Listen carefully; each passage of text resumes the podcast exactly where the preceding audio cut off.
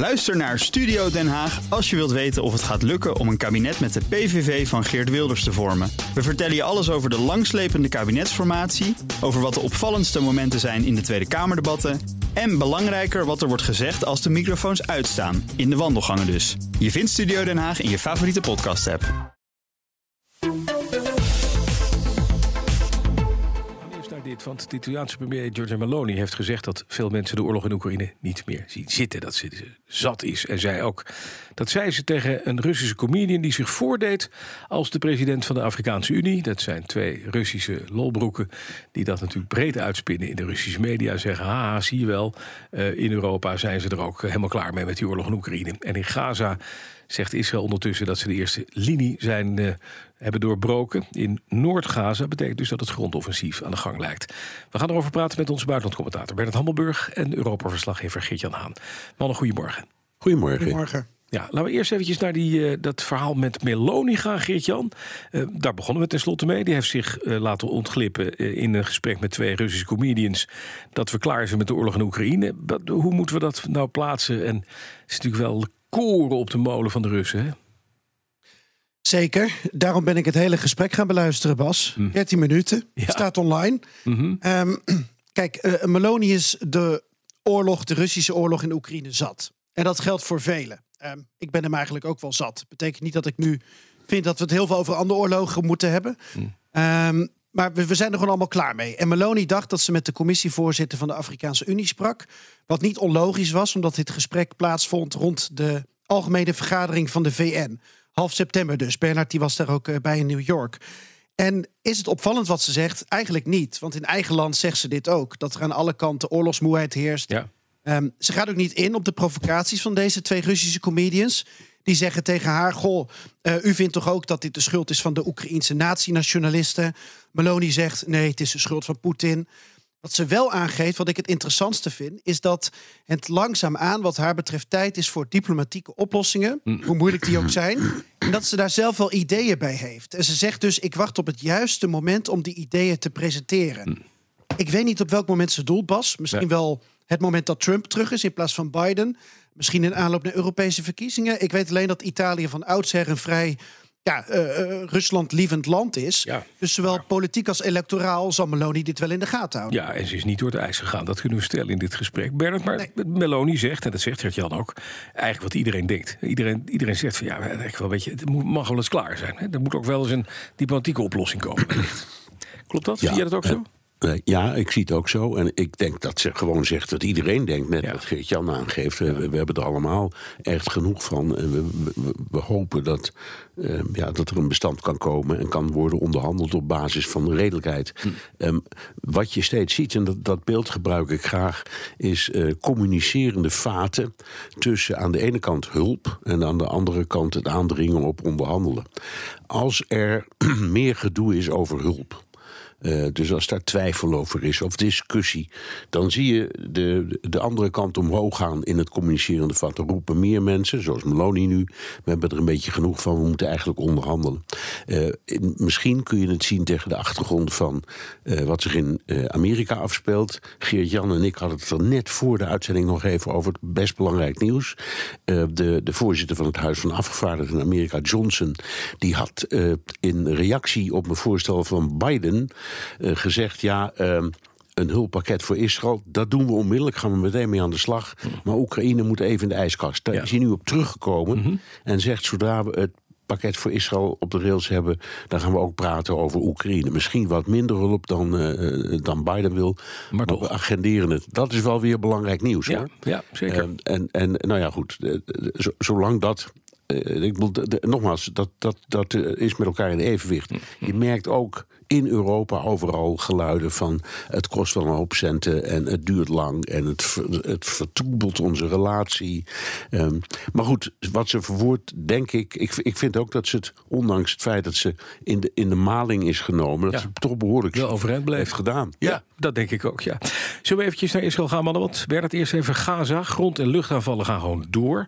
Uh, en met name, dat zegt, zegt de Israëli Defense Force, we zijn nu aan de grens van Gaza-stad gekomen, we die agrarische zone in het noorden zo'n beetje ingenomen.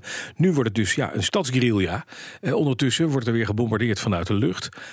dit is toch gewoon een grondoffensief? Of zie ik dat verkeerd? Ik denk dat, ik denk dat het inderdaad... Kijk, het grondoffensief was bezig, hè, maar met kleine groepjes. Dat is langzaam uitgebreid. Ehm, en wat ze zeggen is dat ze dat gedeelte nou ja, in, in het noorden... nu redelijk onder controle hebben. Wat belangrijk betekent een paar dingen. Ze hebben waarschijnlijk um, een aantal mensen opgepakt die ze wilden uh, hebben. ze hebben waarschijnlijk een iets beter uh, zicht op uh, waar de gijzelaars zitten en hoe het met ze gaat. En het is ook duidelijk dat ze daar echt het militaire bestuur tijdelijk overnemen, of in elk geval onder controle, de, dat gebied onder controle willen houden. Dat was een van hun doelstellingen. Hm. Vraag is wat nu? Stoten ze door naar het zuiden of, of niet en op, welke manier. Maar er wordt nog steeds uh, behoorlijk gebombardeerd. Andersom trouwens ook. Er komen ook nog steeds raketten uit Gaza naar Israël. Dat zijn er inmiddels ook iets van 7.500 of zo. Dus die strijd is nog lang uh, niet over. Dat, dat, dat, dat is duidelijk. Wat belangrijk is, waar iedereen nu naar kijkt vandaag, is de grens aan Rafah, uh, die weer open gaat. Maar nu echt voor veel meer mensen. Er wordt gesproken over 400 misschien zelfs 600 mensen met een uh, dubbele nationaliteit. Of vreemdelingen die daar -hmm. waren en eruit gaan. Ja. En er is een hele lijst landen. Maar ik zie op die lijst landen nu ook Nederland staan. 20 dus, ja. Die stonden, stonden er gisteren niet op. De nee. Amerikanen ook niet.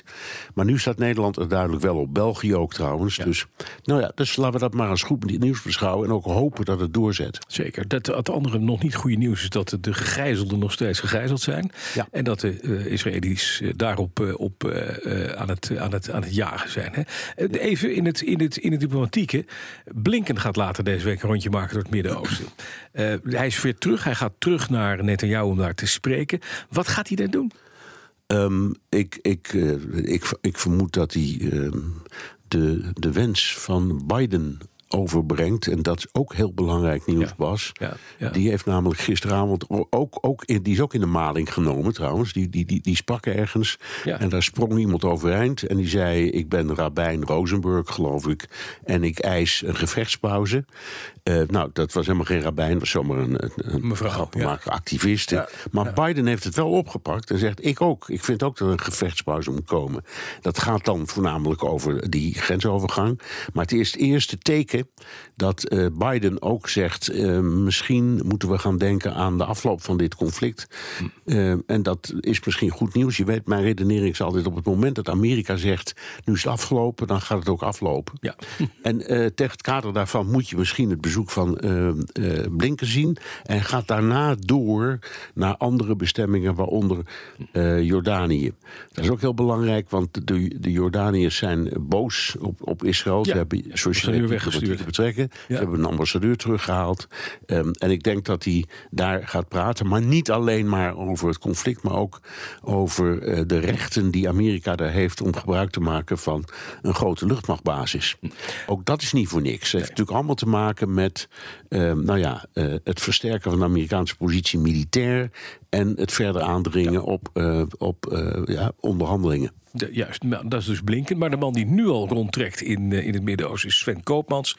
Speciaal vertegenwoordiger voor het vredesproces in de regio namens de Europese Unie. Geert-Jan, wat doet die man daar? Voorbereidend werk voor Blinken? Of heeft hij een andere agenda? Nou, hij heeft de Europese agenda. Precies. Uh, hij is onze baas. Um, en van 27 EU-landen van Borrell en van von der Leyen. Dus eigenlijk uh, vertegenwoordigt hij 450 miljoen Europeanen. Ja. Um, hij is op dit moment in, uh, in, in Israël. En gaat kijken naar wat daar allemaal sinds drie weken zich, zich afspeelt. Probeert met mensen te spreken. Ja, en dat brengt ons dan eigenlijk ook bij de vraag: wat is zijn mandaat? Wat kan hij? En um, dan moet je denk ik vooral kijken naar wat, wat de EU kan. En, en, mijn opvatting op dit moment is dat um, Brussel, dus ik heb niet over losse Europese landen, maar dat, dat de EU zoekt naar een rol.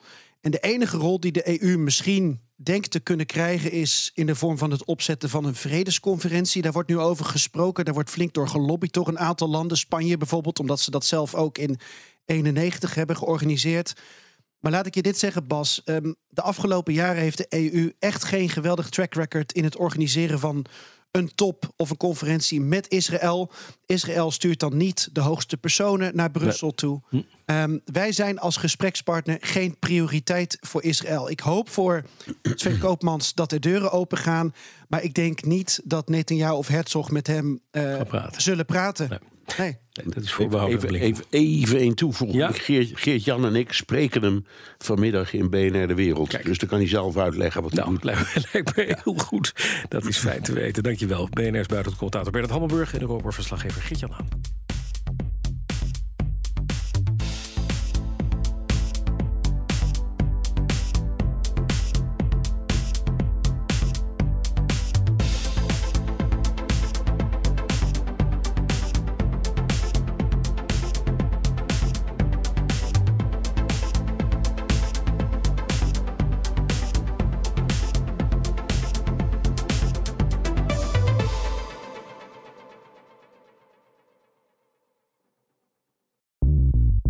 aan. BNR ben je altijd als eerste op de hoogte van het laatste nieuws. Luister dagelijks live via internet. Bas van Werven. En heel langzaam komt de zon op rond dit tijdstip. Je krijgt inzicht in de dag die komt op BNR, het Binnenhof in Nederland en de rest van de wereld. De Ochtendspits. Voor de beste start van je werkdag. Blijf scherp en mis niets.